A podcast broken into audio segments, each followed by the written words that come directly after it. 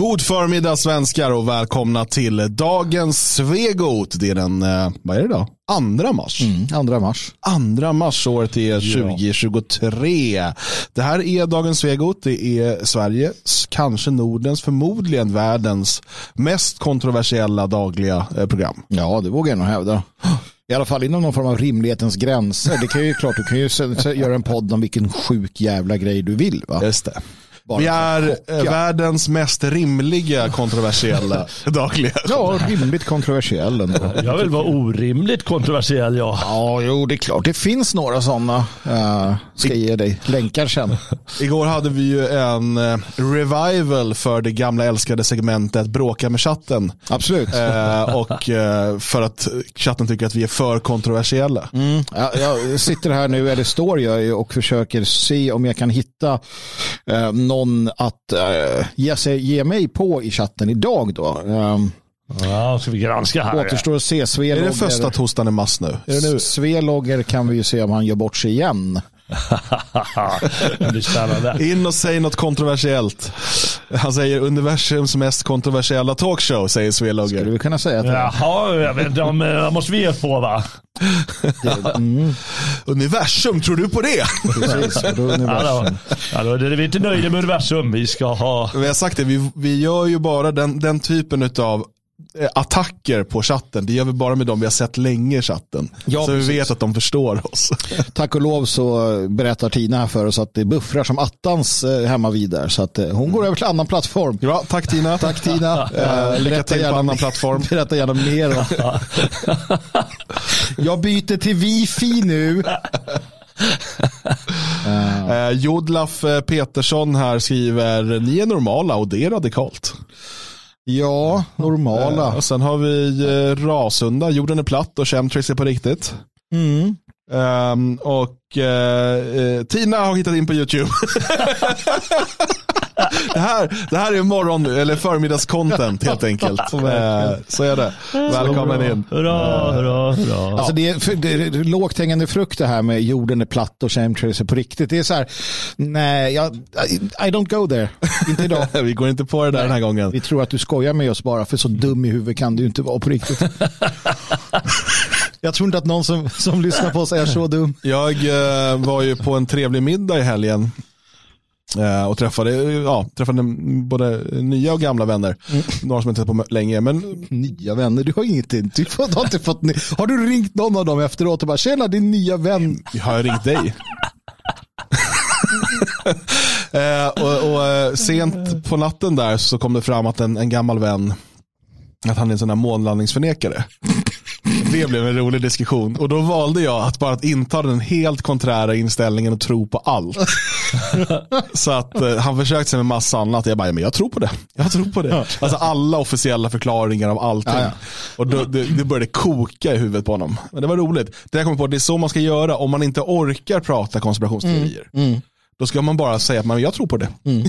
jag tror på allt. Liksom. Så de, då, då blir det ah, du ja. Men det där är intressant ändå för att slå mig i magen så du snäll. Slå mig. Slå mig. Tack. Uh, nej, men det var ju det, när jag började säga att något är intressant. Jag har ju fastnat i den här jävla loopen. Det är ja. jäkligt irriterande. Men, men det här med månlandningen till exempel, det, det, det hamnar ju, det har ju verkligen fått fart ändå. Jag pratade med jag ska inte hänga ut någon släkting, men en släkting. en släkting. Eh, som är till, till åldern kommen rejält och som inte på något sätt finns på internet överhuvudtaget. Alltså Nej. finns inte. Kanske på Ratsit. Uh, har du Ratsit brukar jag fråga på, på krogen. kan jag få din Ratsit? Uh, nej men, och, och, den här personen då, vederbörande, uh, som jag pratade med, hade ju då konfronterats av eh, månlandningen just och eh, på något sätt sett någonting om det och börjat fundera. jag vet inte. Jag tänker liksom hur sjutton det har spridit sig i folklagren. Det, där. det är ändå fantastiskt att se. Ja, um, Okej, okay, vi svarar på en fråga från chatten innan vi går vidare och pratar om dagens tre ämnen. Vi har tre mm. ämnen. Jag eh, ska bara säga det att um, vi ska prata om det här arv och miljö. Eh, vad gör det kriminell med anledning av den här BRÅ-rapporten. Eh, vi ska också prata om det här höjda förslaget på höjt återvandringsbidrag. Och sen ska vi också läsa Gardells senaste kulturdrapa i Expressen. där han, eh, han slåss för eh, bögars rätt att, att åla sig med barn. Eller något, jag vet inte. Vi, vi får se vad han vill. Eh, Magnus? Eh, ja, jag måste säga det också att eh, när, när, man har, jag tror det heter mimikry, va? det här att man apar efter varandra. Ja. När man väl har börjat tänka på det så kan man aldrig otänka det. Ja. Och jag blir väldigt ofta, eh, jag noterar väldigt ofta att jag och Jalle här, vi, gör sam, vi står på samma sätt, vi gör samma, efter ett tag om du ställer på ett visst sätt, då står jag till sist på samma sätt och så vidare. Och när man tänker på det i samtal, man sitter med sina vänner, sen så ligger, sätter någon upp händerna, så ganska snart så sitter du själv så där. För att vi apar efter varandra hela tiden. Uh, ursäkta min psykopat-aura. Men jag har ju studerat det där. Alltså jag har lärt mig under utbildningar när det gäller försäljning och sånt. Mm. Att man ska göra så. Mm. För att men, alltså till exempel om den du pratar med lutar sig framåt så ska du kort därefter också göra det. Mm. Eh, och det där är för att den personen, det, det är viktigt för det sociala samhället. Jag tänker ju på sånt hela tiden. Eh, så det kanske säger något om mig. Det säger väldigt mycket om dig. Eh, de flesta gör det bara, men du är liksom, ja, jag är som, du behöver hjälp som en på robot. traven. Ja, precis, här, jag måste... Och nu ska jag le. Ja, jag känner ju ett visst obehag när, när det där händer eh, i sådana här situationer att, eh, att om jag börjar klia mig så här så ska den där jäveln också göra det. Ja. Det, Nej, det, Tycker inte ni att det är obehagligt? Eh, när ni, men vad gör han så för? Jag har bara kliat mig för att klia. Känns som att vi är ett lag. Mm. Gör, gör han så för att, för att vara schysst? Det är roligt om det är någon som har ett tics och man börjar härma det tixet. Det brukar alltid vara populärt. det är skönt. Sitter de med CP-skada så börjar man slå sig själv. Ja. Bara, jag försöker bara connecta på ett socialt plan.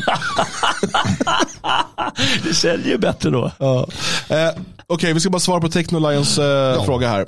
Eh, Technolion skriver, lingonsylt passar till alla maträtter. Försök komma på ett undantag. Glass. Det är inte en maträtt. Jag vill lämna efter, men typ, okej. Okay. Um, det passar inte till en, en köttgryta. Jo då. Ja, Absolut. Kan du kan ha gelé. Det är lite en konstigt, flyter kött... runt och blir grått alltihop. Ja, men att, men... till en eh, mustig köttgryta lägga lite lingonsylt vid sidan. Korvstroganoff. Där är vi ute på, alltså sött och kött, eh, jag tänker sött och kött. Nötkötts, nötköttsregeln, sött och köttregeln. Nötköttsregeln, den passar nog till mycket nötkött men den passar inte till en, en, eh, en korvstroganoff, det gör det inte. Eh, här är någon, Technoline påstår alltså att ärtsoppa och lingonsylt är Intressant. Jag har aldrig provat. Alltså, nej, men nu har jag köttbullar. Det passar inte till, nej fy fan lingonsylt och köttbullar det kan man inte ha. Nej, där går gränsen. Usch, usch, usch. nej, vi får igenom rätt. Ja, men det passar nog till mycket, mer än man tror i alla fall. Ja. Men jag säger rårörda lingon eh, snarare än lingonsylt. Ja. Eh, faktiskt. Eh. Okej, okay, uh, eh, Heavy, tack för det. Jalle, uh, har du... jag som minns inte såg memen som Julius gjorde igår. Just det. Han hade ja. döpt de här två till Jalle och Heavy. Det tyckte jag var roligt. Ja. Det tyckte jag var jättekul. Ja, Alla tyckte det var kul utom Magnus. Nej, men jag är, jag är helt för. Helt för. Ja, eh, vi har lite eh, internetproblem här, eller någonting med vår stream. Det kommer upp lite fel och sådär. Men eh, i värsta fall får man eh, kolla efter. Ja, men det får man göra. Vi, vi spelar vi kan, in vi kan, det här Vi också. kan liksom inte göra så mycket under sändningens gång åt Nej. det. Det är någonting som strular ibland. Ja. Men det skiter vi Vi kör. Det gör vi. Det gör vi. Vi eh, kör på. Eh, vi kör på och eh, går in på titelämnet, alltså arv eller miljö. Vad gör dig kriminell? Och det här känns som en fråga som ja, den diskuteras fram och tillbaka eh, under massor av olika, eh, ja, har alltid gjort ja, kanske, så länge man har vetat om gener. Jo, jo ab absolut, men man har ju på senare tid eller under många år försökt att um, helt, alltså efter det här som, som många kan tycka varit lite debacle med, med, med Eh, att man, att man vad heter det, steriliserade. Man steriliserade idioter, eller människor man uppfattade som idioter. Mm. Eh, gav sig på fattigt folk och, um, och, och, testade socker på liksom, handikappade och sådär. Eh, så har det liksom fallit ganska mycket i onåd att överhuvudtaget prata om geners betydelse. Eh, problemet är att det är generna som har betydelse så att man kommer liksom tillbaka ja. till det hela tiden. Men jag tror problemet med det, eh, det är väl att det inte finns, och det är precis som vi kommer att prata om här också då med, man pratar om socioekonomiska faktorer, mm. att det finns ju inte en, liksom en, en fullständig kausalitet. Mm. Alltså bara för att du föds med en viss genuppsättning betyder det ju inte att du kommer begå brott till exempel. Nej. Däremot kan det vara att du har högre risk att hamna i brottsligt beteende. Ja. Och samma sak är det ju, och nu sammanfattar jag egentligen allt vi kommer att prata om här. Alltså, vi behöver inte prata om det. Eh, men med liksom socio, alltså miljö. Mm. Eh, hur du växer upp, om du liksom har frånvarande föräldrar, om, ni har, eh, om, du liksom har det, om det är fattigt. Om det, alla de här sakerna kan påverka dig. Men det är inte så att bara för att du växer upp under, i den miljön så blir du automatiskt kriminell. Um, Mm. Och, och, ibland så samverkar, eller ganska ofta samverkar de här sakerna också. Så att jag tror att det är därför den här steriliseringspolitiken har väl ansetts vara orättvis. Såklart. För att det du gör är ju att du försöker då eh, att då sterilisera bort ett potentiellt problem. Och det är ett sluttande plan utan dess like. Det är det ju. Sen, um, sen, sen, finns det andra problem med det här som jag kan, kan tycka. Det är att eh, Eh, och även om jag eh, definitivt är någon form av biologisk determinist i detta på många sätt och vis. Jag tillskriver då gener väldigt mycket, inte bara beteenden men, men också då hur du kommer se ut naturligtvis men också sjukdomar och hur, du, hur länge du kommer leva, vad du kommer dö av. Alltså mycket av det är i princip klart. Uh, så vitt man kan förstå. Men, men det gör ju också att alltså ett, ett problem med det om det får för mycket genomslag det är att man slutar bry sig. Alltså man hamnar i en sån här idé om att nej men allt är redan på förhand klart. Ja. Så det spelar ingen roll vad jag gör. Och det stämmer ju inte heller. Men om man säger att 80-90% av hela din hälsocykel eller hälso, ditt hälsoliv är klart när du föds, mm. rent genetiskt, då kan det vara svårt. Då kan många säga att jag, jag är tjock och det är för att jag ger, det är dåliga gener. Ja, jag, jag har liksom det eller det eller det. Och så slutar man bry sig och det är livsfarligt. Så därför är jag inte helt för det heller. Mm, jag vet inte. Oj. Vad är du för? Jag vet inte. Nej, vad, tänker du? vad tänker du, Jalle? Ja, men jag tänker att problemet, alltså skälet till att det tas upp det här, det är ju att eh, eh, det finns mängder med människor, låt oss kalla dem av kvinnlig eh, art, eh, som jobbar inom myndigheter och inom eh, juridiken och så, som gärna urskuldar. Mm eh, brottslingar på grund av då socioekonomisk härkomst. Och vidare finns det i det stora maktpartiet Socialdemokraterna och deras hantlangare, eh, Vänstern och Miljöpartiet och eh, låt oss säga Centern och eh, Liberalerna och, och så vidare. Ni, ni kan berättelsen. Ja, eh, hur de använder det här då för att eh, känslomässigt eh, säga att de bryr sig och tar ansvar, men de är egentligen, det används ju i maktsyfte. Det är ju retorik givetvis, man skyller på socioekonomiska faktorer.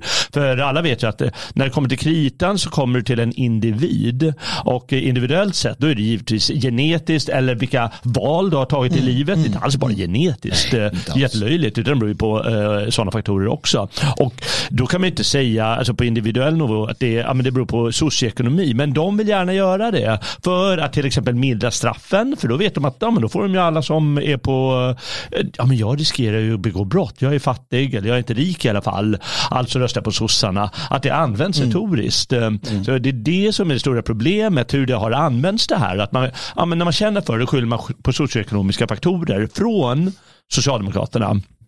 Det är så jag ser på saken och det är därför det har kommit upp det här. Det nämns ju både i fria tider och Samnytt och, och sådana eh, såna ställen. Man gör precis som, jag tror det är någon som säger att eh, ja, man, man vill ju inte skylla på invandrare. Mm. De har lättare att begå brott. Eh, och det finns en mängd förklaringar till varför de inte, de skiter i svenska kanske. Jag är här på låtsasbesök eller vad som helst. Eh, nej, det är socioekonomiska faktorer säger man då. Att man använder det i ett falskt syfte. Mm. Och det är det stora problemet. Det är också mer lösligt. Eller eh, någonstans kan jag förstå att man använder det socioekonomiskt. För att det är, mer, ja, men det är någonstans mer lösligt. Eller om inte annat så kan du få det att framstå som en mycket godare människa. Men, att du säger att... Inte framförallt så att det är en ursäkt för att utöka din egen makt. Alltså, ja, det också. Om det är enbart eh, socioekonomiska faktorer, då bör vi med social ingenjörskonst kunna få bort kriminaliteten. Mm, det går ju alltså eh, kraftigare fördelning av resurser, låta staten få mm. mer makt och så vidare. För då kommer vi kunna lösa det här. Mm. Eh, och det, är- det är också en typ av utopiskt eh, tänkande, vilket även steriliseringspolitiken är. Eh, alltså att du ska kunna på något sätt då sterilisera bort alla dåliga former av gener i, i folkkroppen så att säga. Det är också så att, skapa då den här genetiska supermänniskan. Det är också en typ av utopisk tanke som jag ser att du är väldigt sugen på. Nej, men jag har en fundering. ja, Jag ta- men, det. men jag bara tar ett, ett, ett, personligt exempel. Kul, jag läste bara nu. Jag har fått tillgång till lite gamla brev och annat. Mm. Eh, eh, och imorgon kommer vi få tillgång till internet från 2003. Ja, fantastiskt. Det ska vi testa i morgondagens sändning nämligen. Och, eh, ni får se vad det betyder. Eh, men då hittade jag eh, i den här, där jag hittade alla de här sakerna, så hittade jag också ett brev då från en kompis ungefär under den här tiden. Eh, som, han var då på Hassela-kollektivet på sån här behandling, han är drogmissbrukare då. Eh, och han hade skrivit i brevet, så här, det var ganska fint, så här, bara, jag, har tänkt mycket om jag ska kunna hålla borta från drogerna när jag kommer hem, då mm, kan jag bara umgås med dig för du är den enda liksom, som inte håller på med massa skit och bla bla. Sådär. Eh, jag vet att när han kom tillbaka sen så var han ren ett tag och sen hamnade han i missbruk igen och så. Eh, och han, båda hans föräldrar var missbrukare. Hans bror var multikriminell eh, och missbrukare tror jag, antar jag. Ehm, och, så han hade liksom både, och, jag menar socioekonomiskt svag ställning, båda föräldrarna missbrukare, du vet, hoppar runt på något svartjobb här och där, farsan kanske, men du vet, inga, inga pengar så. Bodde i en ganska eh, sunkig hyresrätt i Skogås och så. Eh, som det ser ut för många i den här eh, socioekonomiska klassen. Ehm, men rund, när han är runt 25 så eh, träffar han en tjej som bor på landet, långt bort från Stockholm. Eh, och eh, han eh, väljer att flytta till henne och hon har absolut inga missbruksproblem och sådär.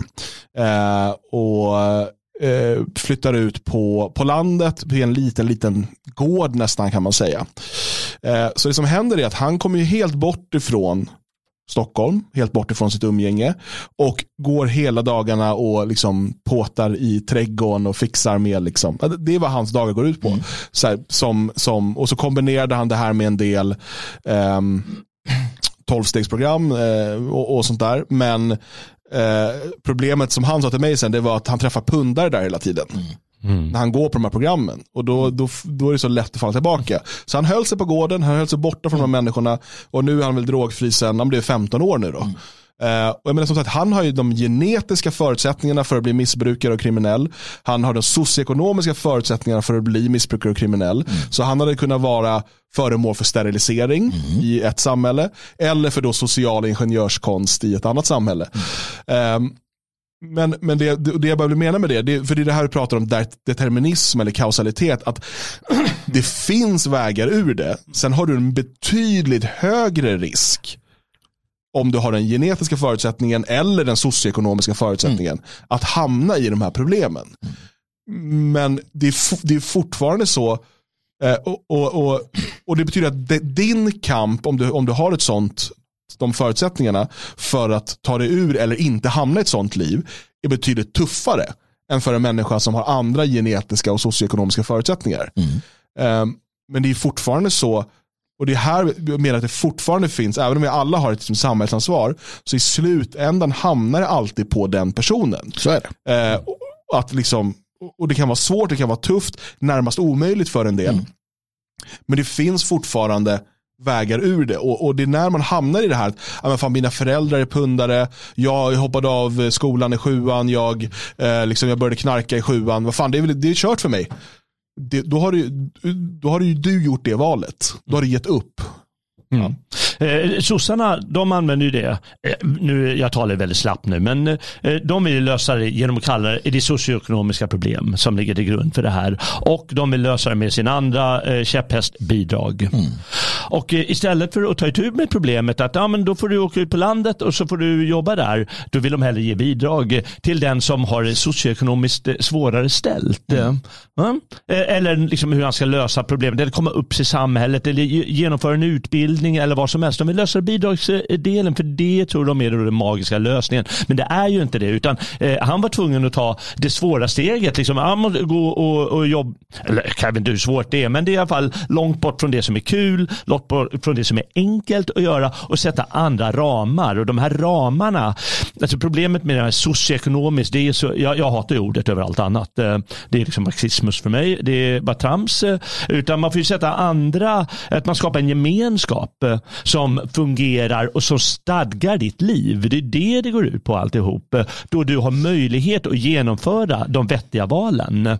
Och eh, då kommer man där, så genetik kan ju också bli alldeles för enkelt att försöka skylla på det. det men då kommer vi in som du sa, de här eh, ingenjörerna. Ja, då kan man med genetiska ingenjörskonst kan mm. vi försöka trolla bort det där. Det kommer inte heller funka, för precis som du säger, det handlar om de val du gör i livet eh, vid vissa tillfällen och din vad ska jag säga, inre kraft att välja bort det som är skit och, det som, eh, och förstå att det är kast. Och för det behöver du särskilda, särskilda ramar. Då. Och det kan man kalla då gemenskap, det kan man kalla liksom en, en andlig kraft som finns i samhället. Att eh, ja, men jag ser på de här föredömena och då inser jag att ja, men det, det är skit. liksom. Mm. Och då gäller det att odla sånt istället för att komma med den här socioekonomisk, eh, eh, socioekonomiska förhållanden. Ju, där har du ju religion eller filosofi, att ta ansvar, att mm. liksom lära sig från grunden. Och det vill ju inte, det vill ju inte politikerna för att som, som, som du säger där, det handlar om eh, bidrag och bidrag ger röster och röster ger makt mm. i det samhälle vi har. Då. Så det, är ju där, det är ju där man har det. Sen kan man ju ställa sig frågan, och det gör jag.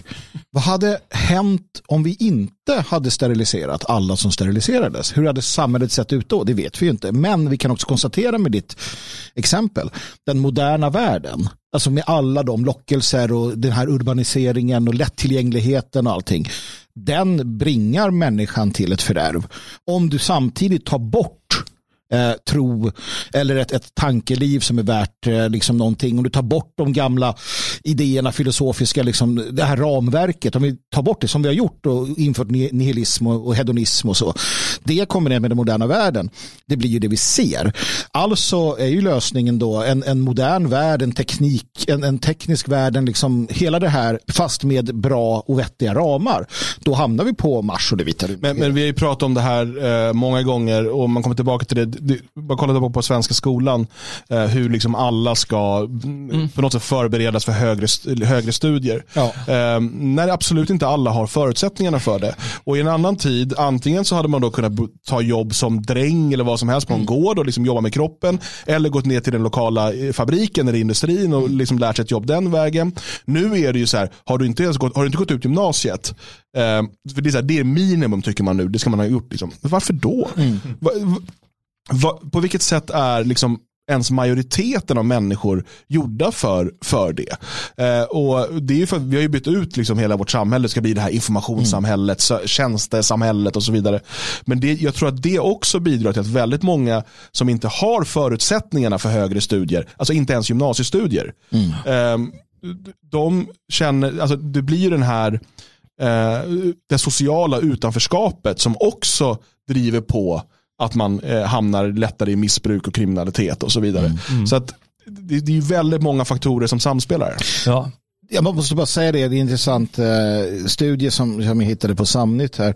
Där man konstaterade att då flickor i, eller unga vuxna i åldrarna 17-25 som reducerade sitt bruk av sociala medier helt plötsligt fick en mycket sundare syn på sin egen eh, kropp och så vidare. Och tar upp det här just att, den här, att vi har så mycket tid. Vi har så mycket tid med att, eh, om du tar den här så kallade könsdysforin som kommer då, vi har tid att byta kön. Hur fan kan vi ha tid att i, i mäng, parti minut människor går och byter kön kön och de är sjukskrivna under jättelånga perioder och de går och pratar om det ena med det tredje och de hittar de här mest avancerade lösningarna på sina mentala problem. Det är också en del av det här. Att, att äh, hade du levt i ett, ett robust sunt samhälle och du bara, men fan jag mår dåligt och så vidare, då hade du kunnat få lösningar, handfasta lösningar, du hade kunnat på olika sätt och vis fått hjälp med det. Idag så här, men vi kan fixa så att du får byta kön. Vi gör de mest långtgående sakerna för att vi kan, för att vi har tid, för att vi har ekonomin för det. Inte så länge dock, vilket gör att lösningarna blir helt orimliga på problem som, um, som egentligen inte finns i, i de flesta fall. Ja, eh, jag tycker att eh, du Dan berättade eh, intressant i bilen om en, om en bekant som eh, på jobbet fanns det en som var oduglig, inte kunde svenska eller något sånt. Mm. Eh, men, på det här jobbet? En analogi. du? På det här jobbet. Aha, ja. Helvete också. Var det mig alltså? Ja. Säger ingen, men han är i rummet. Men, eh, då är han var fall, inte i bilen. Nej, men då, då, då är saken den att eh, den personen ska tillåtas fortsätta göra sitt jobb. kan bero på att man har lägre IQ eller inte har kunskaperna, språkkunskaperna eller liksom andra kunskaper. Men då ska man ha överseende med den här personen. Analogin är givetvis att det är en brottsling. Mm. Men överseende med personen och låta den fortsätta göra jobbet. Någon annan måste gå och hjälpa till och mm. göra jobbet samtidigt. Så det behövs mm. två personer för att den personen ska göra det här jobbet. Och det är samma sak med, eh, med den här brottslingsretoriken. Att vad som har, vad Jerzy, vad, vad, vad heter dåren i? i Sarnecki. Ja, Snickesnacki. Ja, Snickesnacki va. Eh, när han hela tiden, hela sitt liv har predikat socioekonomiska faktorer. Då har det varit idén har ju varit att ha överseende med den här personen mm. som är en skurk och kommer vara en skurk imorgon också mm. och kommer vara pedofil imorgon mm. också och så vidare. Det spelar ingen roll vad vi gör Nej. därför att det visar sig att han var skurk. Man kan kalla det genetik eller man kan kolla liksom vad Gud har gett honom för mm. själ eller vad som helst. Men man, de har överseende med det och det är där det stora problemet är. Och det är sossevägen med bidrag och för vi har det välställt. Vi har så mycket ekonomi. Mm. Liksom, ta, hur mycket godis kunde man äta på 60-talet? Mm. Det var ju inte ett skit skit. Va? Nu finns det liksom hela hyllor, hela mm. rader på, på köpcentret och vi kan köpa hur mycket som helst av det. Eh, chips och vad du vill. Eh, men det är inte lösningen. Nej. Vi, vi måste också förstå för att jag såg, eh,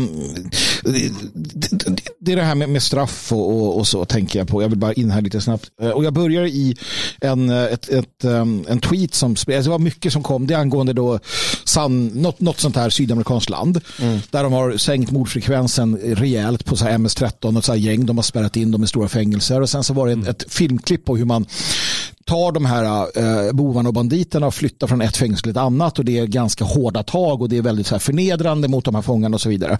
Och det kom en stor debatt och folk sa så här, men vi måste göra som dem, det är så vi ska göra, du vet, lås in och så här hårt och kallt. Och, och så andra som bara, nej men så man måste kunna hålla två, två bollar i luften samtidigt och så vidare. Och att man inte ska göra det. Det jag kommer fram till, för det var en sån här liberal tjej, hon kom fram till sist att, ja men vadå, alltså om de inte kan rehabiliteras, förnedra dem inte utan skjut dem och det intressanta blir ju då att det är precis så vi resonerade förut. Mm. Hela västerlandet bygger på idén om att okej, okay, du har gjort någonting. Mm. Du ska reparera, du ska eh, ge tillbaka pengar eh, eller vad det nu är, restaurera det du har gjort. Eh, och du ska liksom skärpa dig. Och om vi bedömer att du inte kan det, då skjuter vi dig eller avrättar dig. Mm. Att spärra in människor har aldrig varit liksom vår grej.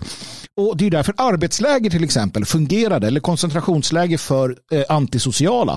För du, fick, du, du bodde där, du gick upp klockan fem, du gjorde det, du gjorde det. Du hamnade i en en liksom, eh, ja, men du lärde dig hur man fungerar i ett samhälle helt enkelt. Men att spärra in folk som i svenska fängelser eller andra fängelser på obestämd tid bara för att, förvaring, mm. det är värdelöst. Det är en, en socialdemokratisk, en socialistisk, en marxistisk liksom grundidé. Antingen så rehabilitera genom hårt arbete och vad det nu kan behövas, även terapi av olika slag. Eller om vi inte kan det, avrätta. Mm. Ja, nej, men det ligger jättemycket i det du säger. Och det här med förvaring, det, det, det är väldigt mycket handlar med det. Den här kvinnan som inte kunde göra sitt jobb ordentligt, ja det är förvaring. Mm. Alla människor som går i skolan från, från, från de är fem år nu, ända upp i, vi pratar universitetsnivå, mm. för nu ska ju alla tvingas gå där. Det är förvaring av människor. Mm. Ja, men det är inte ett, och det, det är ju någonting som vårt samhälle brottas med. Men det, det är ju också började på 1700-talet. Ja, vi har ju ingenstans att göra av människor, det är ju det. Och som som säger skolan som är förvaring, eh, som ska liksom på pågå, som jag tog in där. Men vad ska man göra då? Vad ska, du, men vad ska du göra med en 14-åring eh, som inte kan jobba, för har han inte färdigheterna för att Nej. jobba i ett serviceyrke eller vad det nu alltså i den där tjänstesektorn. Mm. Eh, utan, men, men han kanske har liksom fungerande armar och ben och skulle kunna gå och liksom lyfta saker från ett, en sida till en annan. Eh, men det finns inga sådana jobb. Mm. Så vad ska du göra med den här människan då? då sätter de i förvaring i skolan. Du hittar på gymnasieprogram mm. som de ska gå som inte kommer leda till någonting. Mm. Och sen så, okej okay, vad gör vi nu? Sätt dem på universitet. Mm. Han kan väl liksom läsa eh, strökurser om det här eller något så här. Jag menar, hela den här, hela den här genus, eh, helt ärligt, hela den här genus och alla den här, den delen av ja, utbildningen. Det är bara ett sätt, det är bara ett sätt att ge kvinnor något att göra. Ja, ja. Till stor del. Ja, kvinnor av båda könen tänkte jag säga. Ja, ja. Kvinnor för mig, det har inte med kön att göra. Det är ett sinnestillstånd. Ja, men där har vi vad, vad, vad, det, vad det bottnar i, det här med socioekonomiska faktorer. Det är ju så skönt att kalla för det. Mm. Ja, men vi kallar det socioekonomiska faktorer så slipper vi problemen. Mm. Och vad skönt, det, det föll en sten från hjärtat. Istället för att ta den hårda vägen, ja, men då spänner vi och så skjuter vi. Ja. Eller vad man nu måste göra. Ja, men min, min, min son kommer hem, han är 13 tror jag. Han kommer hem och kan varenda diagnos. Han kan varenda diagnos. Den har DDD, och den har ABC och den har LSD och den har det och det. Alla har allting. Vi hade den i min klass också. Jag kunde, vi hade, han, var, han var kung på diskot. vi, vi, hade, vi hade dampungar kallar vi dem för. När jag blev lite äldre. Men innan det, det var någon som var CP. Och alla invandrare var turkar. Ja, nej, men han, någon var CP, det, han var mongo. Han bara härja. Visst, jag kan förstå att det är bra att vi, att vi hittar också orsaker till varför människor är som de är. Men det har ju också blivit, det har ju gått, något, det har ju gått en sjuka i det här. Att alla vill ha ett, ja men jag, jag fick min diagnos och äntligen, äntligen så kunde jag liksom gå vidare i livet. Och aldrig identifiera som en diagnos. Har du märkt det? Att, att människor blir den de är diagnostiserade att vara. Och någonstans så släpper de också alla tyglarna. Men jag har ju det här. Jaha, då har du inget ansvar längre. Samma sak där. Och Dan, vi befinner oss i en tid eh, då det är stora omvälvningar. Vi går från ett samhälle till ett annat. Alla de här människorna som inte har något att göra, de kommer ju leva pissdåliga liv, må dåligt, droga ihjäl sig för vi kommer tillåta fri användning av droger för att alla ska slippa liksom må dåligt. Sen kommer det här jämna ut sig någon gång i framtiden men vi lever i en sån här mellanperiod. Ja, men undrar, om, undrar om man inte alltid gör det. Nej, men, eh, nu, jag måste bara säga det, men du har helt rätt. Men vi lever i en förändringstid. Eh, varför tror ni alla chockas över den här brottsligheten som har ökat så kraftigt va? och är alltså utpräglad med sprängningar och skjutningar och så? Mm. Eh, jo, det är för att vi har inte tagit ansvar att hantera brottslighet. Mm. Därför att man har skyllt på socioekonomiska faktorer och liknande saker. Man har inte velat göra det jobb som måste göras, vare sig det handlar om att skjuta folk folk, vilket kanske är lite väl hårt, eller genom straffarbete som någon föreslog, eller någonting. Och då står vi handfallna, men hur kan detta ske? Mm. Och det är bara för att vi är spagettimänniskor. Mm. Och det är liksom naturlig, naturlig eh, process av det som har hänt. Eh, och där är det stora problemet. Jag menar, det, det, vi, en ny värld blommar upp eh, efter liksom, med lössläpp invandring och allt vad vi har. Ja. Och samtidigt så har vi en idé att nej, man ska inte, de är brottslingar, det är synd om dem, de är ABC. Mm. Det är det är LSD ju. Mm. Ja, och, ja nej, och det är precis, precis det här tycka synd om perspektivet som, som blir problemet då. Då spelar det egentligen ingen roll om man skulle prata genetik eller social, eh, socioekonomisk stad, utan att det, är här, att, det ligger, att det på något sätt är utanför din egen kontroll. Mm. Det är klart att det finns extremexempel, någon som under hela sin uppväxt har liksom våldtagits och misshandlats av sina föräldrar och som sen blir knepig. Det är klart att den människan är ett offer. Ja. Mm. Det, det, är svårt att komma ifrån. Mm. Men bara för att nej men du växte upp med en frånvarande pappa, eller du växte upp med knappa förhållanden, eller eh, du har dålig impulskontroll på grund av dina, ditt, arv. Mm. um, och, att då så här, och då ska man, det ska, typ vara, det ska vara någon typ av ursäkt då. Saken är att alla människor har ju olika förutsättningar, både från arv och miljö. Eh, och därmed, men, men det är de vi alla måste leva med och eh, som tar oss igenom. Ja, men hade vi då gjort som så att man när man var liten fick Marcus Aurelius skrev det här, läs nu här, det här kallas stoicism. Det här är alltså att du din jävel, det du kan kontrollera, det är din reaktion till det som händer dig. Jag kallar det för en mupp eller du är ful eller du är fet. Då lär man sig att det du gör, det du reagerar, det är du som bestämmer. Jag kan inte, genom att vara elak mot dig, bestämma hur du ska reagera. Du kan bestämma själv hur du reagerar på mina förolämpningar. Om man lär sig det tidigt, om man lär sig tidigt att jag kan kontrollera mig själv och mina reaktioner, även om det är svårt, även om det kan vara skitjobbigt, men på olika sätt hantera det, då får vi en värld eller ett samhälle där människor inte är lättkränkta små bögtyper och som inte liksom gnäller, utan bygger saker, som skapar saker, som tränar, som lever, som älskar, som slåss och härjar och gör roliga grejer. Men inte det här jävla knepiga, kränkta, sorgliga självmordssamhället som lika gärna, ärligt talat, ja men som vad sa han, Pentti Om jag får en knapp som jag trycker på så dör jag själv och alla andra, då trycker jag på knappjäveln. Ungefär så var det. Typ. Ja. ja.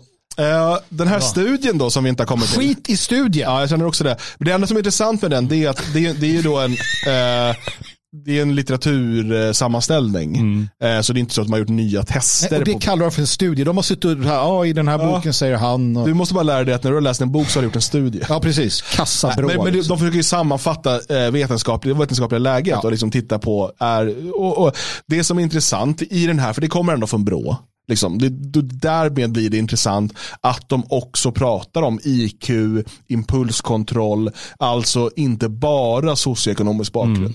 Ehm, Sen håller man på att kasta begreppen lite fram och tillbaka och liksom, alltså, vi, har, vi har gått, kört en halvtimme om det här ämnet redan. Så vi behöver liksom inte gå in så mycket på det. Men eh, det är intressant att man nu börjar producera den typen av rapporter också Ja. från Brå. Där man- det inte bara handlar om, eh, liksom, ja men han bodde ju i, i ett eh, höghus. ja, men precis. Ja, bra bra. Bra, bra. Absolut. Tack. ja, eh, så att, arv eller miljö, vad gör det kriminell? Ja, nej men eh, 80% arv, eh, 20% miljö och eh, 100% dina egna jävla val. Ja. Slapptask. 99% i dina val. Okej, 99% dina egna val. Jag minns en Slapptask. gång när jag gick in i en affär. Trött. Du var, su- du var sugen på Snickers, hade Nej. inga pengar. Det händer de bästa. Nej, och Jocke- Det hände mig häromdagen. Jocke la en Snickers i min ficka. Ja, ja, Jocke ja. Den där Jocke. Jag vet vad han har lagt i mina ärmar. Den där Jocke Fan, matade mig med pizza. liksom, Han som sprutade in här. Jocke gav mig braj. Eh, jag blev påkommen med att snatta, sen snattade jag aldrig mer faktiskt. Jag har också blivit påkommen med det. Och jag blev påkommen av en riktigt, eh, jag tror att det var Tommy Zethraeus som kom på mig. I alla fall så är det i mitt minne. Eh, jag har fått för mig att det var det. Eh, jag har fått berättat för mig att det var det. Men snattade av Tommy Zethraeus? Nej, jag snattade på en dum. turkkiosk i Helt Skogås. fel kille. Var det så här dagen? Men sen så kom jag ut, skulle jag visa för mina kompisar vad jag hade snattat. Så, och då, så, så såg han det och blev skitsur. Jag vet inte varför Tommy Zethraeus skulle liksom bry sig. Eller kom det inte en bil? Det här var sent på kvällen. Det var ett gäng grabbar på vägen till stan i en bil och du hade gjort något och Tommy Zethraeus stannade bilen och med grejer. Jag hade alltså stulit en sån här enkronig sån här saltpatron. Vet ni, en sån här, Där. Det har ingen, spelar ingen roll värdet i din stöld. så fick jag lämna tillbaka den och be om ursäkt till Mohammed i kiosken där. Eller vad han nu hette. Eh, Men det funkar. Skam Det funkar. och skuld. Ja, ja, jag, Det är det bästa. jag minns när jag hade vandaliserat en grej. Jag och en kompis, vi blev gripna av polisen. Fick åka dit dagen efter med farsan i släptåg. Sitta med de här gubbarna vars jävla arbetsplats jag hade vandaliserat. Och så bara, ja det här har du gjort. Man bara, Mm. sorry. Gjorde aldrig om det. nej. Där. Jag föredömer i chatten här. Jag är född bland droger och kriminella. Blev själv sån tills jag kom på att jag alltid har ett Bra, val. du ser. Ja. Precis så är det. Här har du en, en, en, det här är en En german. Det här är en german. Sen, sen är det alltid så att ju längre ner du har kommit i skiten i missbruket, desto svårare är det. Liksom. Men i, I slutändan har du alltid ett val. Ja. Eh, de allra, allra flesta i alla fall. Det går säkert inte, återigen, extremfall av extremfallen. Ja. Men det går ju aldrig att utgå ifrån dem. Ja. Eh, Okej, så ja. nu ska vi eh, prata återvandring. Ja. ja, det ska vi göra. Är den på gång eller när börjar den? ja, vi ska bara öppna Har, har, har, pluskan. han- har han eh, fixat fram lite plan den där bönan? Mm. Bönan har fixat en plan. vi ska ta fram, öppna lädret. Och bara, Mhm. Mer pengar ska få fler att flytta från Sverige. Bara 46 personer har beviljats pengar för att lämna Sverige de senaste 10 åren. det, det, det vittnar ju om ett problem i själva idén om att folk vill flytta hem för att en hundratusen. Det visar siffror från Migrationsverket. Nu vill regeringen locka fler med större bidrag. Det är också roligt tycker jag att eh, migrationsminister eh, Stenegard eh, eh, säger att återvandring har varit ett styvmoderligt behandlat område i svensk politik och Migrationsverket har inte fokuserat på det. Där vill vi se ett skifte. Det är ganska intressant sagt, men det är också så här, men ja, för att ni politiker har inte drivit frågan. Mm. Det, ja, det är så här. Men eh, det är alltså då, 2021 var det noll som åkte hem, 2022 var det två, 2020 var det fyra, 2019 var det två. Ja. Det är ju, sam, samtidigt så kommer det så här 100 000 varje år ungefär. Det är så absurt. Ja. Eh, och idag så pratar man, man får ju då 100 000 kronor i återvandringsstöd. Eh, och nu så vill man då höja det till en miljon och hoppas att fler ska återvandra. Låt mig vara pragmatiker och se inom ramen för det vi har som möjlighet. Jag ser till exempel man skriver det ska aldrig vara ett val återvandring. Nej, självklart. Men låt oss se det utifrån hur det ser ut liksom och, och, och, och så. Och jag menar, naturligtvis också får vi ta lite om och men för att att ge en miljon till någon idag som åker hem, han är ju här dagen efter. Ja. Så det känns ju meningslöst. Så att finns det liksom ett system där jag kan tycka att det här är en, en rimlig idé? Och ja, nästan. Jag har ju sagt det här tidigare att, att det skulle vara mycket mer alltså, väl använda pengar Ja, det sa vi för många år sedan. Det är mycket mer väl använda pengar och ge alla eh, utlänningar en mille var i fickan och skicka hem dem om de inte kan komma tillbaka än att pumpa 40 miljarder i projekt för somaliska kvinnor ska hamna i arbete varav noll hamnar i arbete. Det är ändå 40 personer som har åkt hem under de premisserna. Så att, ja, sen, sen vet det tusan liksom va. Ja, det, det, jag vet inte vad som är praktiskt genomförbart, men om vi bara liksom tar att man har lite mer möjlighet man skulle kunna så, så skulle jag säga att eh, ja, men jag är villig att höja till 150 000 och halvera bidragen. Och då sticker jävligt många på en gång kan jag lova det, det är ju där också du, du hamnar. Va? För att menar man allvar med repatriering eller återvandring, då mm. är det just bidragen du tar bort. Rycker du dem så kommer folk ta en tusenlapp och åka hem. Ja, de kommer ju leva, det kommer vara enklare för dem att leva i, i Irak eller Syrien eller vad det nu är. Mm. Det, är det är jätteenkelt. Precis, det, det, det, man glömmer den ena av två liksom staplar här, mm. eller reglage. Mm. Att absolut, Um, vi kan höja återvandringsbidraget uh, för att liksom underlätta hemflytten. Mm. Men vi måste ju också kraftigt minska på uh, bidragen och, och liksom alla de här programmen som vi lägger mm. pengar på mm. och så vidare. Ta alla de pengarna. Alltså det är bara, det är bara att flytta av med budgeten. Alla bidrag som idag går till de, vilka är det man pratar om här, det är de med uppehållstillstånd. Mm. Um, alla bidrag, ta 80% av de bidragen mm lägg dem i återvandringspotten. Mm. Så de får 20% av det de får nu, mm. så att de liksom kan få vatten och bröd. Eh, för det är väl typ vad det kommer räcka till då. Mm. Men det finns massa pengar i återvandringspotten. Jo. Sen måste det också kombineras med att du därmed också aldrig mer får återvända till Sverige. Mm. Eh, och inte heller någon av samma ras. Men, men det luriga i det här, och det är, det är ju faktiskt att de människorna som kommer hit eh, för det finns ju nämligen väldigt många som inte kommer hit. Det är ju jättemånga sudaneser som är kvar i Sudan. Mm. De som kommer hit är ju i många fall, eh, eller som man har kunnat se, det är de absolut sämsta, men i många fall också det, det fåtalet bästa. Mm. Alltså intelligentian drar för att de har bättre förutsättningar, packet drar för att de inte får vara kvar i princip. Eh, Sudan vill inte ha hem de andra. Alltså, den här, alltså de här människorna, det ska, alltså vara, det ska vara sämre för dem att vara i Sverige än att vara i Sudan. Då kan de dra hem igen. För det här är inte, de har ingen lojalitet till hemlandet. Det, det är ju den typen av människor som, som ett samhälle på 50-talet kände att men de här ska vi göra oss av med. Mm. Det, det, är som när, när Kuba bara, vi tömmer fängelserna och skickar till Miami. Så här. Mm. Det är ju ofta det. Och det, det, de, de, vill inte, de kan få en mille men de vill inte åka hem för de kommer över tid ha det bättre här ändå.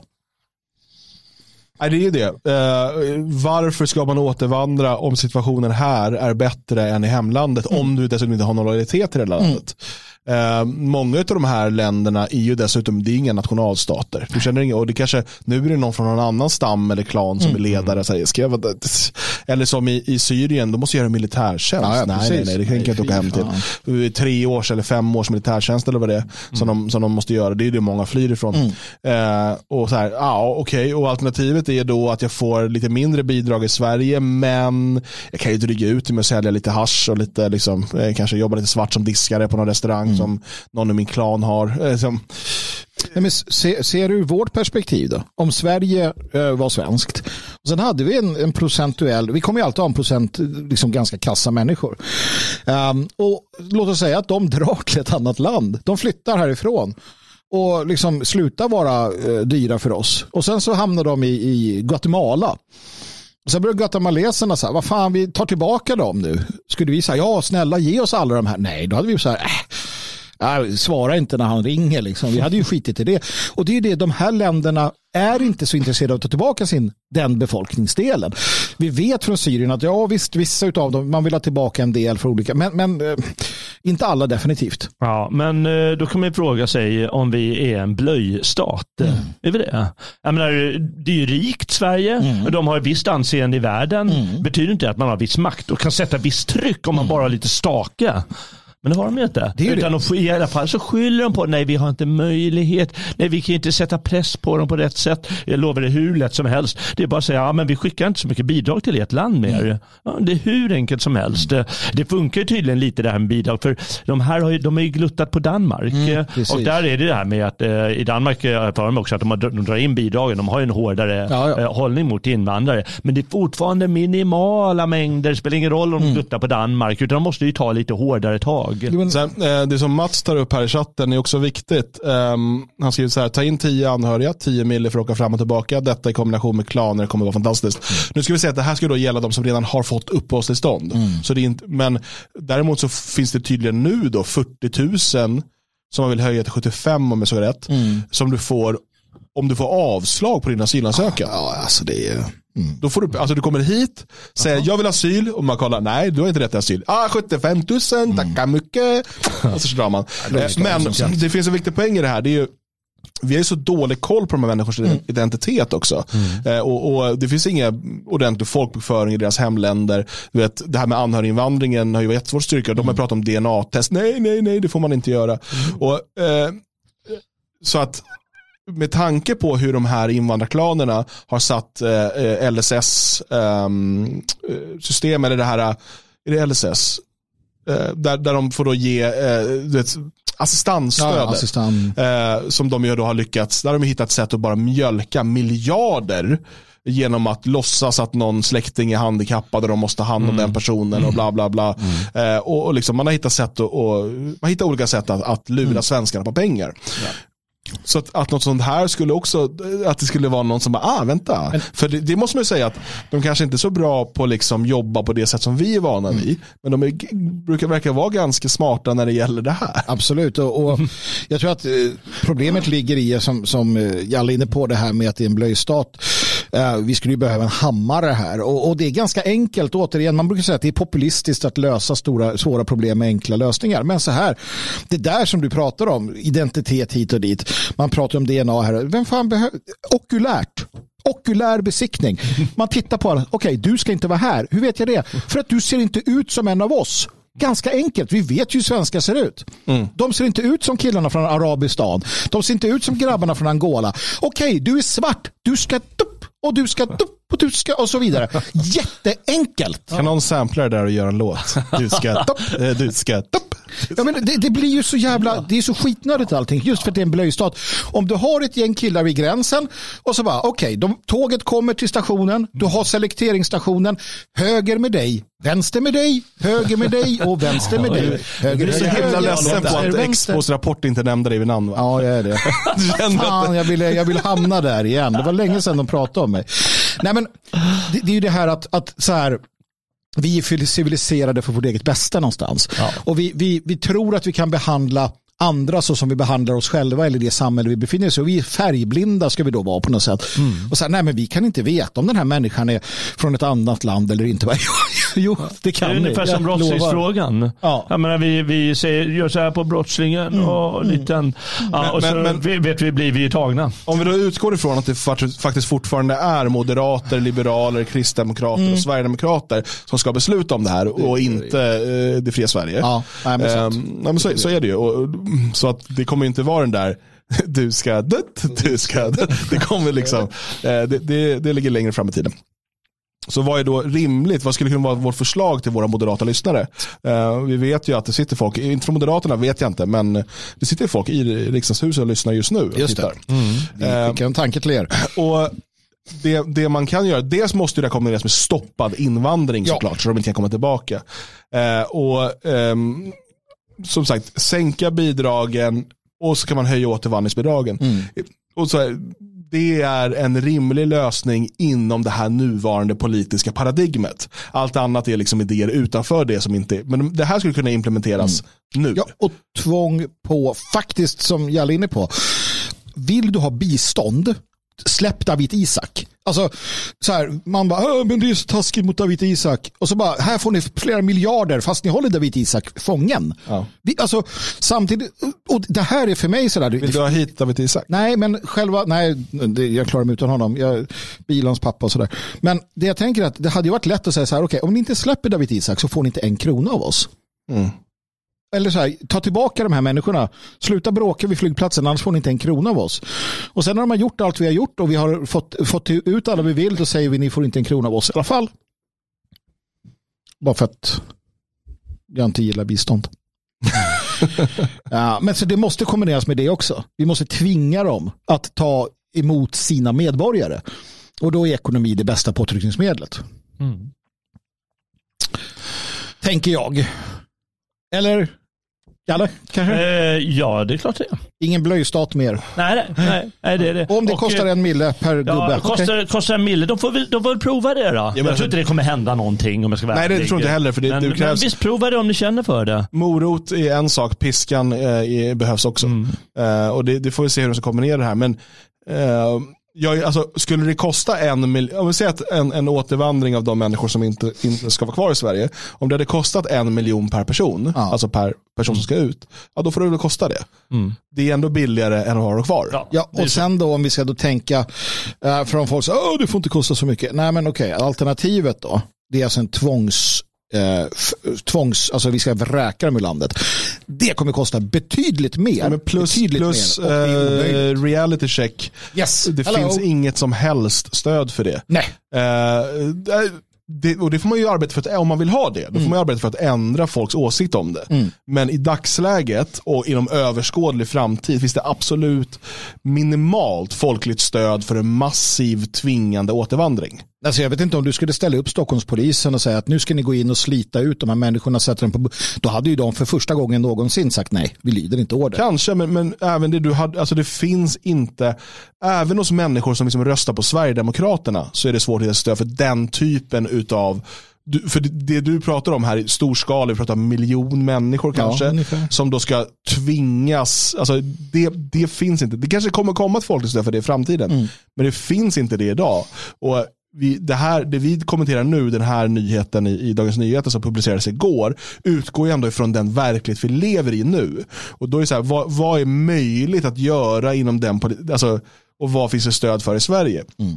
Eh, frivillig återvandring, det finns ingen som har något större problem med det för att det, den är ju frivillig. Mm. Eh, utvisning av kriminella, eh, där har vi ju, skulle jag säga, där finns ett folkligt stöd, kanske inte ett politiskt, eh, liksom, i lika stor utsträckning, framförallt från vänstersidan. Eh, och det är, ett så här, det är ett problem som regeringen måste lösa snarast. Alltså de här länderna som inte tar emot mm. sina mm. kriminella, eh, sina egna medborgare. Mm. Och det, då är det där indragna bistånd och så vidare Dra in biståndet, lägg det i återvandringskassan. Mm, mm. Ja, men absolut. Ja. Det går att göra massa saker med de, med, det, med de redskap som finns om, om det finns en politisk vilja. Återstår att se om den viljan finns eller inte. Ja. Ja, visst, ja, visst, ja, visst. Uh, vi ska gå över till att uh, läsa uh, en av Sveriges mest framgångsrika författare. Ja, det tycker jag är rimligt ändå. Dramatiker, komiker. Ja, ja. Han heter Jonas Gardell. Han borde få Nobel. Nobel. Han är mest känd som bror till AFA-grundaren Mattias Gardell. Det är han absolut. Uh, mm. I alla fall i våra kretsar. Är det någonting med genetiken där va? Kan vara. Kan vara. Kan vara. Uh, jag vet inte hur många som vet det. Utav typ våra tittare och sådär. Att Gardellarna hänger ihop. Alltså att Mattias och uh, Att de är bröder, bröder, absolut. Men jag tror att de flesta känner inte till Mattias Gardell. Nej, hans, att, han, att han grundade AFA och sådär. Så Nej men det gjorde han. Han grundade AFA. Han är med i den här Eh, uh, Stockholm Skinhead, den här första filmen. Han sitter tillsammans och snackar, snackar med någon skinnskallar där. Men jo, då, han var med och grundade för han har gjort mycket sånt där. Ja. Men ni har blivit kompisar? Ja, vi var det en gång i tiden. Eller kompisar, han var hemma hos mig och vi snackade en del. Fy, det gjorde ont. Han kom Jonas alltså? Nej, inte Jonas. Nej, jag, men, jag menar att äh, Mattias, jag ja. ska hellre ta, ta ett glas på krogen med Jonas än ja. Mattias, det kan jag säga. Ja, nej men det, jag blev rekommenderad äh, Mattias där. Han skrev lite böcker och sånt och vi mm. träffades. Vi måste bevara Sverige svensk! Ja, det är Jonas Och stoppa SD. Och så står det av Gustav Kasselstrand. Står det. Ja, jag vet inte vad som hände. nej, nej, nej, utan det är då Jonas Gardell. Och det är Jonas Gardell. Jag tror att, in, jag tror att Jon, eller Kasselstrands eh, artikel hade kunnat låta annorlunda även om den hade samma rubrik. Ja, den skulle kunna ha ungefär samma rubrik. Men, ja. Stoppa SD, kanske inte sagt. Nej. Um, Och jag tänkte läsa den här för er. Och ni får, ni får liksom stanna mig när ni känner att det är värt att kommentera. Mm. Uh, och jag, nu har jag sökt på bakgrundsmusik här. Uh, uh, som ska vara någon typ av bögdisco. Mm. vi får se. Jag kräver din mest bögiga röst också. sen ville ni kolla på klipp också samtidigt. Men jag orkar inte göra tre saker samtidigt. Nej. så vi kan kolla på dem lite sen. Ja. Om ni blir sugna. Det är bara för att förstå vad det handlar om. Okej. Okay. Vi måste ta kampen mot PK-högen. Va? Börja där då. PK-högen. Ah, nej, jag orkar inte. Okay. Skit Jonas Gardell ser Sverigedemokraterna rasera principen om en armlängds avstånd till kulturen. Det är inte så att SD kommer att göra om Sverige. Det gör de redan. På alla flanker och snabbt som fanken. Och nu, precis nu, flyttar de fram gränserna rejält. Nu tar de ett sju mila kliv och det gäller att hänga med när partiet fått upp farten. SDs nytillsatta kulturpolitiska talesperson Alexander Kristiansson säger i en intervju i Svenska Dagbladet Just nu blir en av de viktigaste uppgifterna att definiera principen om armlängds avstånd. Det är exempelvis orimligt att folkvalda politiker inte ska ha möjlighet att föra diskussion kring hur skattemedel används. Det Kristiansson säger är en game changer. Oh. Saken är att principen om armlängds avstånd redan är definierad sedan länge. Politiker ska inte lägga sig i innehållet i den skattefinansierade kulturen. Kulturen, våra museer, teatrar, bibliotek och så vidare ska vara fria. Här stannar vi. Ja, jag tycker att vi stannar där. För att, Vad ska vi med politiker till då? Ja, nej, precis. Menar, menar Gardell att han tror att vem som helst kan få skattepengar ut, alltså så att om vi, vi ska då, vi ansöker om kulturbidrag eh, där vi ska manifestera fördelarna med koncentrationsläger för homosexuella. Mm. Kommer vi få kulturbidrag för det då? Nej, Nej, för det finns direktiv om mångfald, om demokrati, om jämställdhet och så vidare som, som ska uppfyllas. Som politikerna har satt. Och politiker har gått till val på att få dem satta. Precis. Och han har i hela sitt liv i princip levt i en verklighet där han och hans idéer tillsammans då med hela den här, det här ramverket är definierat som gott definierat som frihet. Definierat. Så att han, han menar, det han menar är att bortom detta så finns bara avgrunden. Mm. Det är så, alltså det, hans, man måste förstå hans världsbild. I hans värld så, så liksom att, att, att, uh, vara manligt prostituerad på, på Klara, Klara Norra, det är, liksom, det att vara, det är gott. Mm. I dubbel bemärkelse tyckte Jonas själv. så, om politiker lägger sig i är med andra ord inte armlängds avstånd. Och det är exakt det SD nu säger att politikerna visst ska göra. Kristiansson fortsätter. Det är inte bara en rättighet som folkvald och ett ansvar jag har gentemot mina väljare. Det är en skyldighet. Om SD får igenom detta, då är Sverige inte längre Sverige. Då närmar vi oss med stormsteg Ungern, Polen och Ryssland. Det är bra att få in. Det är vodka pimplar. Det är intressant också att han får in alla de där då. Liksom att, han, att han någonstans jämställer. De då. onda. Ja men precis. Och mm. Polen och Ryssland är ju kända för att de, de går hand i hand i det här. Mm.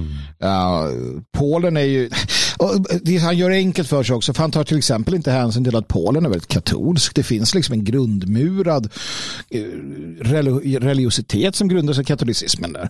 Ungern, det är också ett land som, som, som är på sitt sätt. Alltså, han gör det lätt för sig för att det är så här, det här är onda länder. Han är dum, han är korkad. Och rasist. Och rasist är han också. Nej, eller så är han som Anders Lindberg, att han vet att han ljuger. Det spelar ingen roll, för Nej. propagandan ska fram. Det är det. Ja, jag tror i det här fallet att han bara är han är liksom. Det är väl gamla vanliga att de, de har vant sig vid att, att ljuga och då blir det som en sanning och då, ja, men jag kan ju säga det här. Mm. Men, jag men, säga. men jag tycker bara att eh, det borde vara en grundläggande fråga för en redaktör när den här texten mm. kommer. Yes. Eh, eh, eller för någon som svarar honom att så här, menar du att det inte finns någon politisk styrning av skattepengar till kulturen idag? Mm. Ja, det men... gör ju, men det de, det de gör då, det de hävdar, det där är inte politik. Alltså det här med jämställdhet, det är, inte, det är, ju, det är ju mänskliga rättigheter. Mm. Så det är inte politik, så säger de ju ofta. Mm. Eh, att, precis som att, eh, de, och så kan de vända på det till att rasism som de säger, det är inte en politisk åsikt, eh, mm. det är ett hatbrott. Mm. Och så har man definierat om allting. Så det, mm. de, det de tvingar på oss, det är inte politik, det är bara mänskliga rättigheter. Som de kallar det då, eller vad de nu, liksom, sunt förnuft eller vad de vill kalla det för. Och det vi tycker, det är inte ens en politisk åsikt, mm. utan det är en kanske psykisk sjukdom eller hat. Mm.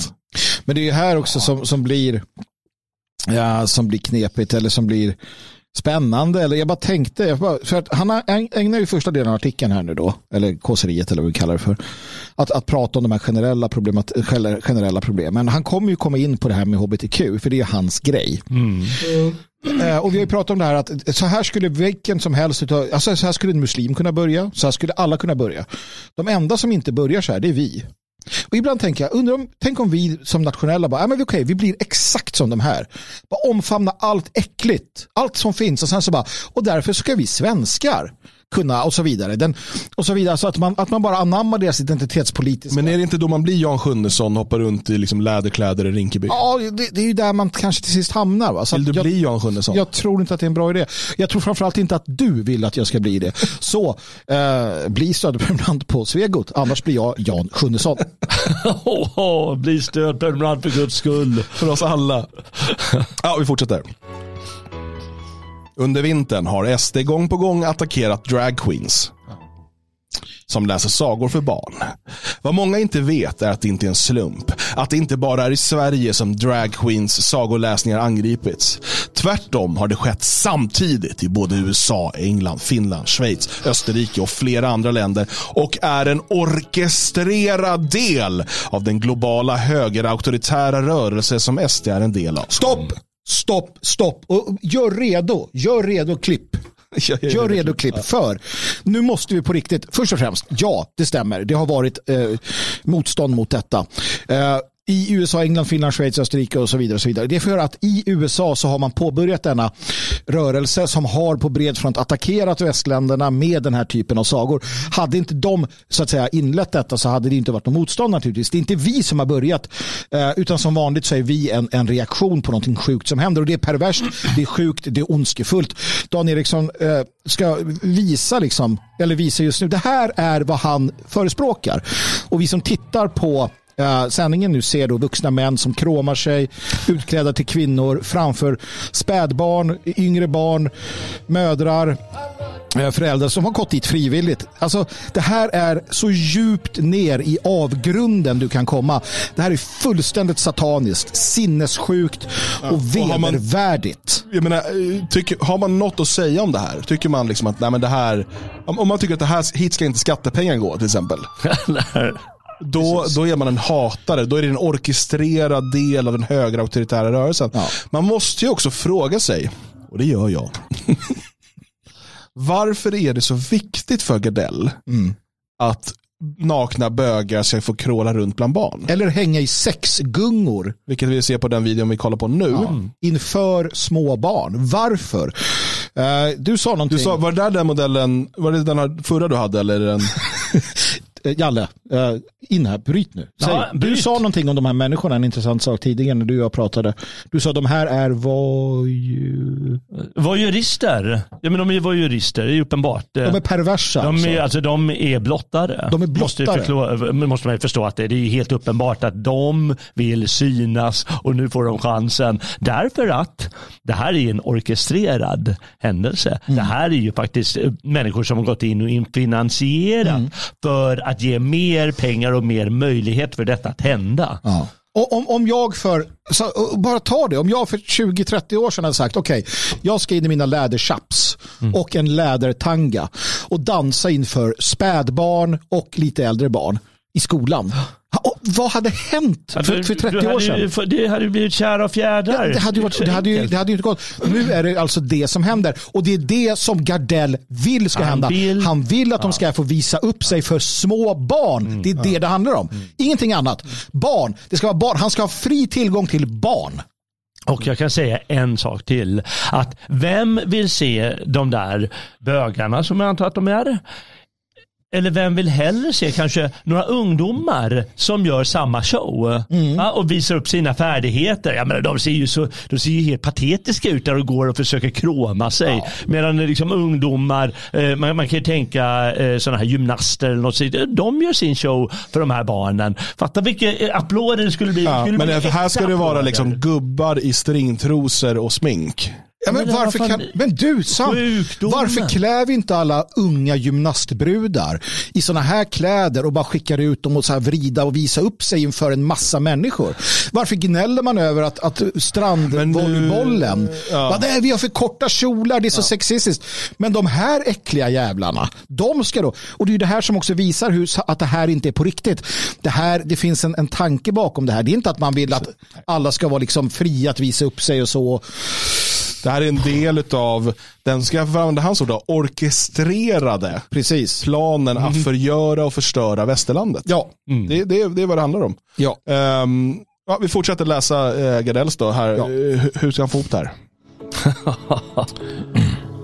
När SDs nytillsatte kul- kulturpolitiska talesman Alexander Kristiansson säger att barn inte ska utsättas för normkritiskt tänkande ligger det nära DeSantis Don't Say Gay-lagar i Florida och Putins och Orbans förbud mot information om homosexualitet. De har inte förbud mot information om homosexualitet. Nej, det har de inte. De har förbud mot homosexuell propaganda riktad mot barn. Ja, och det måste det ju vara. Han säger ju inte, han berättar inte ens vad det handlar om. Utan förbud mot information om homosexualitet. Och jag, jag tycker att det här, alltså det som gör mig eh, på riktigt orolig, det är att, att det har gått ner i åldrarna. Det vill säga att, att, att man gör det här mot små barn nu. Hade det varit mot så här 12-13-åringar, jag minns själv hur man var, det är ingen fara. Alltså det är ingen fara att, att sådana här bögar kommer och härjar i skolan. För jag minns hur man själv var och jag vet hur de är idag när man pratar med dem. Så Det du skulle vara okej med det? inte okej med det naturligtvis. Men jag är inte rädd på samma sätt för att, för att jag vet att i tonåringens hjärna så bara vad fan är det här? Hur, jag vet hur vi härjade med dem. Och det, det skulle inte bli... Nej men, men och det är det här det handlar om, det ska börja så tidigt som möjligt. Precis. Det är därför man också vill ha förskoletvång från ett Ja. års ålder och så vidare. De ska in eh, där och så ska de utsättas för det här. Eh, och Samtidigt, vi pratade tidigare om det här med eh, varför ser vi en ökning av könsdysfori. Mm, Alla de här sakerna. Och som sagt, jag använder Gardellas egna ord, det är en orkestrerad Mm. rörelse som det är driver, driver det här. Med förevändningen att man måste skydda barnen attackeras hbtq-kulturen. Bra sagt. Det är också så intressant. Det här är alltså, det är alltså mm, de gillar, de tänder på en viss typ av sex. Och då har de en egen kultur. Då är de liksom, det här är, vår, det, här är, ja, men det här är vår kultur. Bara, ja, det här är ju kultur. Här, jag, vi gillar i den, i den här kulturen, gill, här samlas vi som gillar handjobb.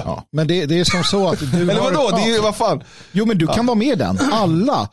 Alla Heja. som, som är... Hej, jag heter Magnus Söderman. Jag tar dig istället. Ta mig. Jag heter Magnus Söderman. Jag runkar med Idominsalva. Det är min kultur. Ja, men alltså, det är ju det för att, för att vi måste förstå att det de säger, HBTQ-kulturen, det är alltså... En gång tog jag tigerbalsam en- istället. en, Gör ehm, inte det.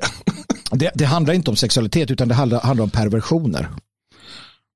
Punkt. Ja. Alltså det är det det är. Eh, Och, och det är därför det är en egen kultur. Nej men det är som du säger, det är helt orimligt att, att eh, men de har en stark röst. Det är ju det. Jag vet inte vad jag menar med kultur här, men det finns väl en sån, liksom, lå- låt oss kalla det som det förut var, någon sorts underground-rörelse som eh, hade den där kulturen. Och där de vistades och, och eh, höll till i sina garderober. Och eh, ja, jag säger att barnen måste skyddas och därför måste vi attackera HBTQ-kulturen. Han har rätt. Kuk, HBTQ-kultur. Ja. Det normkritiska som barnen inte ska få höra är helt enkelt att man kan vara pojke och flicka på olika sätt. Och att det finns pojkar som tycker om pojkar och flickor som tycker om flickor. Stopp där. Var det det ni såg i det här klippet? Ja, jag såg eh, ja, men så här, här finns ett annat inneboende problem och det är att hela den här hbtq-grejen är driven av kvinnor. Och det, det måste vi, vi måste säga det, vi måste säga det högt och ärligt. Eh, om, om jag, jag, jag stötte på det igår, det är den här snickarkillen då, han som har bytt kön. En snickare, han, han var med i något snickarprogram. Han, Men jag han, hade ingen aning om vem man var för Nej. att byta kön. han, han hade då så att säga bytt, bytt kön och det har blivit en grej av det. Han har, inte, han har själv sagt att nej, jag kommer inte ta, ta bort könsorganet jag, utan jag är kvinna men jag ska ha kvar snoppen. Så är det bara. Och han la ut på Instagram här igår, eller så här, nu har jag varit kvinna i typ två veckor. Och det är kvinnor hundratals, framförallt kvinnor som älskar det här, som hyllar trans, vad blir det nu? Män som blir kvinnor. Transkvinnor kvinnor, kvinnor älskar de här perversionerna. Kvinnor älskar män som gör sig till kvinnor. Mhm. Kvinnor hyllar, alltså män, de står någonstans vid sidan om och vågar inte och det är där problemet är. Fega män som inte säger ifrån. Utan som står där i skuggan av sina kvinnor, tämda och helt jävla talanglösa, dumma, som inte vågar säga för i helvete kärring, det här är sjukt.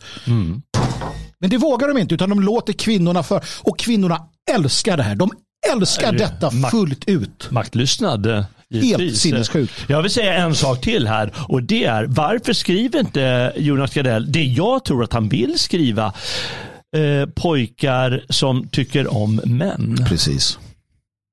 Läs hans egen jävla bok om hur han gick på Klara Norra som, ett litet, ja, som en ungdom, ung man och prostituerade sig och berättar hur fint det var som barn att bli påsatt av vuxna. Hela deras jävla kultur går ut på just det.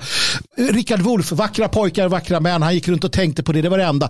Allt, hela tiden handlar om det. Mannen, den, männen, här bögen måste liksom ta det här lilla barnet och uppfostra han i, i sin sexualitet. Det är vad det handlar om.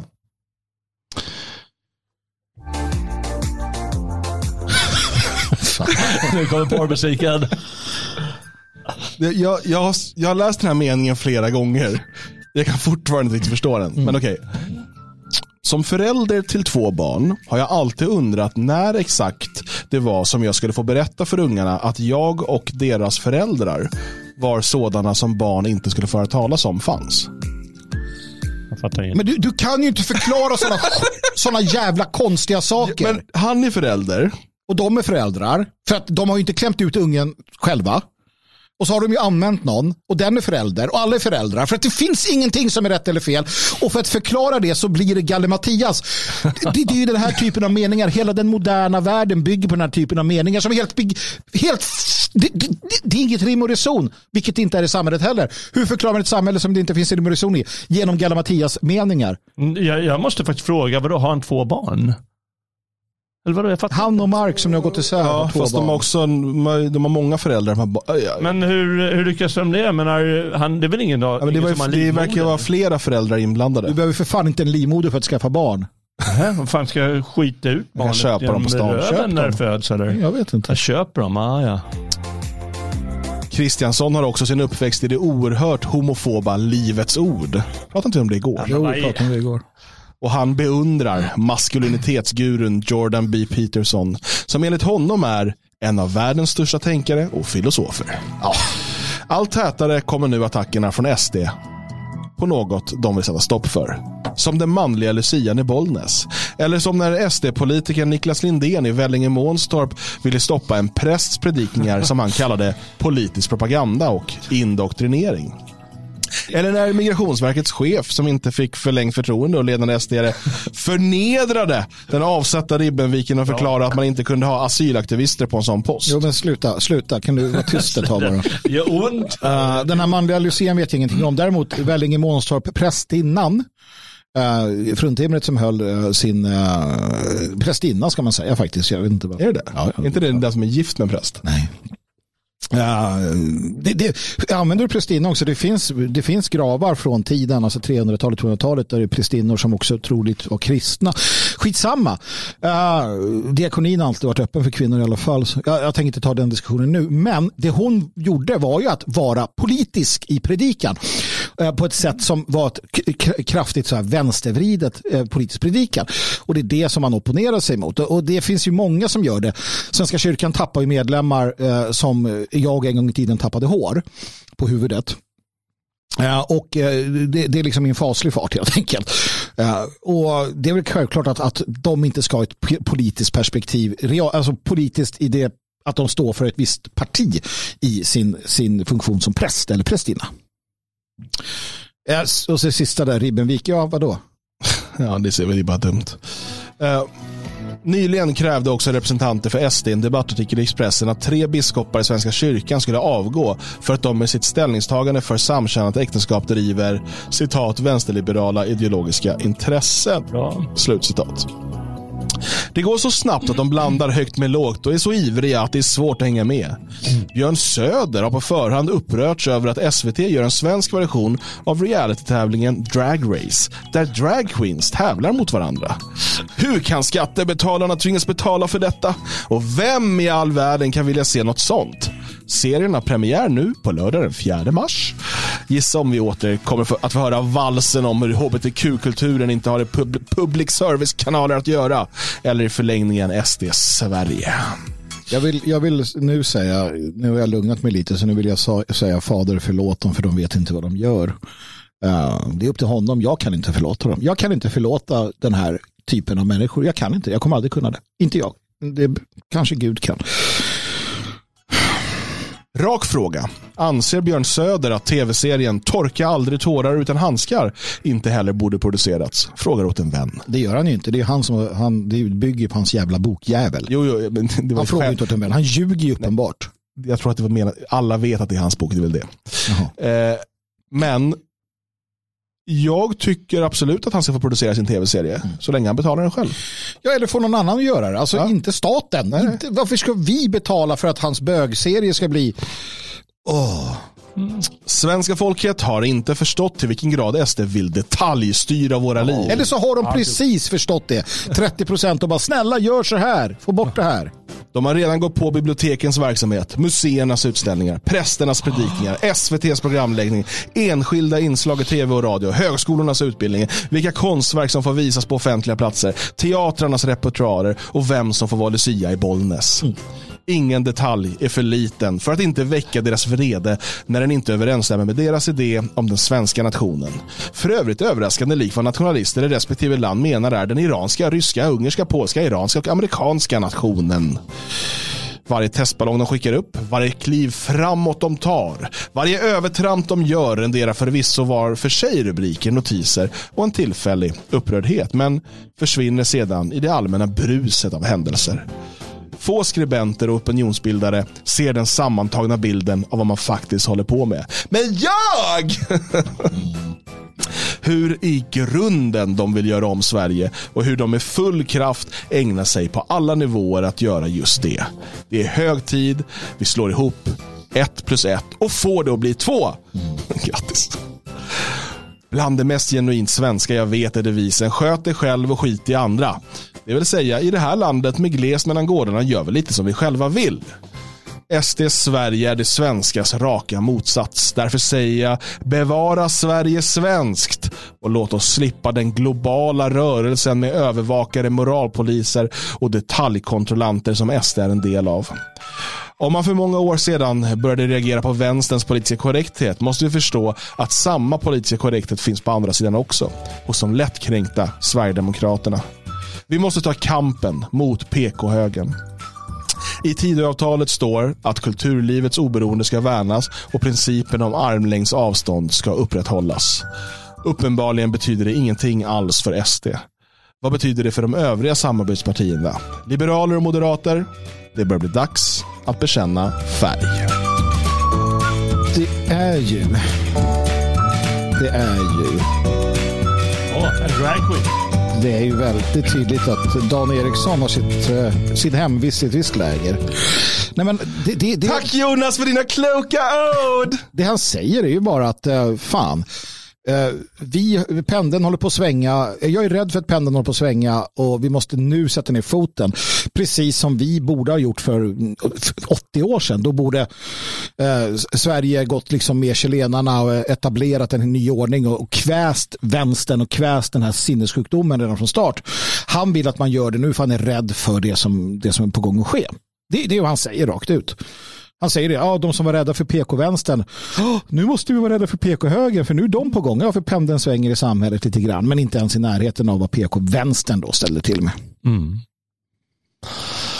Ja, Jonas Gardell. Ja, jag finner inte ord. Jag tycker, jag tycker bara löjeväckande. Det är fullt med lögner och det är fullt med alltihop. Uh, han, uh, han, han är politisk aktivist. Uh, jag tycker han kan gå hem och böga istället.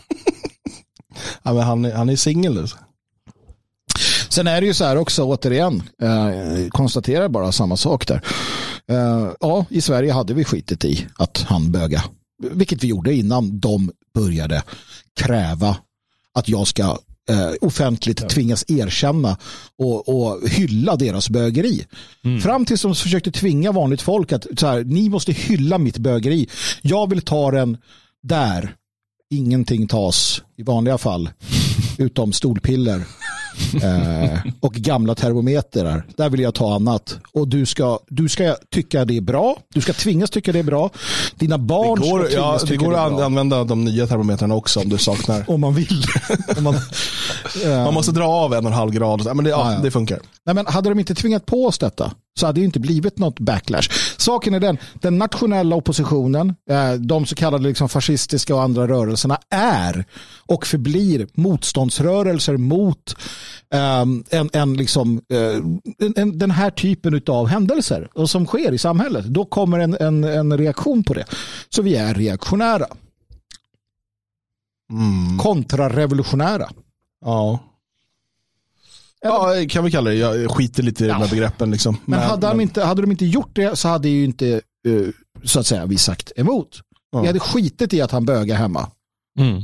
Ja, ja, det, det, men han gjorde ja. det, de gjorde det till ja. en, en offentlig politisk fråga. Ja, och en, en sak till som du sa något väldigt mm. viktigt. Inte bara till en offentlig politisk fråga där vi, alltså eller de bögarna ska få böga som de vill, utan där alla ska tvingas delta i spektaklet. Mm. Och målet är ju att förstås att alla ska gå i Pride-tåget. Mm. Särskilt om de mår dåligt av det. Mm. Det är ju uppenbart målet. Men vad är det för ett jäkla sätt? Vi ska tvingas delta, eller de här barnen ska tvingas delta i dragshow. Men de får ju inte välja de, om de går i skolan till exempel och, och, och måste gå dit. Mm. Det är skolplikt i Sverige. De måste vara med och kolla in den jävla dragshowen. Mm. De vill tvinga fram det. Mm. Ja, fan. Ja, um, hörni, nu vänder vi prata om bögar. Mm. Eh, ni som eh, kollar på YouTube och sådär, det finns en bögtumme här nere. Man kan trycka på den, bögtumme upp helst. Mm. Uh, så tryck på den. Varför heter det bögtumme? Det är, bög, det är en bögtumme bara. Ah, okay. Det har vi bestämt. Ah. Uh, och uh, Så tryck på den. Mm. Och sen trycker ni på den här prenumerera på YouTube. och så den här lilla klockan mm. som man får veta när vi sänder eller lägger ut extra klipp och sånt. och vill man ha tillgång till allt i efterhand, ja då går man in på svegot.se support och tecknar en stödprenumeration. Mm. Imorgon är det fredag. Och kör vi veckans sista sändning och fredagar testar vi ju saker. Just det. Imorgon ska vi testa internet. Inspirerad av Jonas Gardell. Ja, just det. Imorgon ska vi testa internet från 2003. Oh. Jag har alltså kommit över Nationaldemokratisk ungdoms hemsida från 2003. Mm. Helt backuppad på en CD-ROM. Mm. vill ni veta hur en nationalistisk hemsida såg ut? Fullt med artiklar, bilder, allt, allt finns, finns, där. Allt finns. Allt finns där. Ja. Vill ni veta hur det såg ut 2003? Eller kanske bara av nostalgiska skäl tänka tillbaka.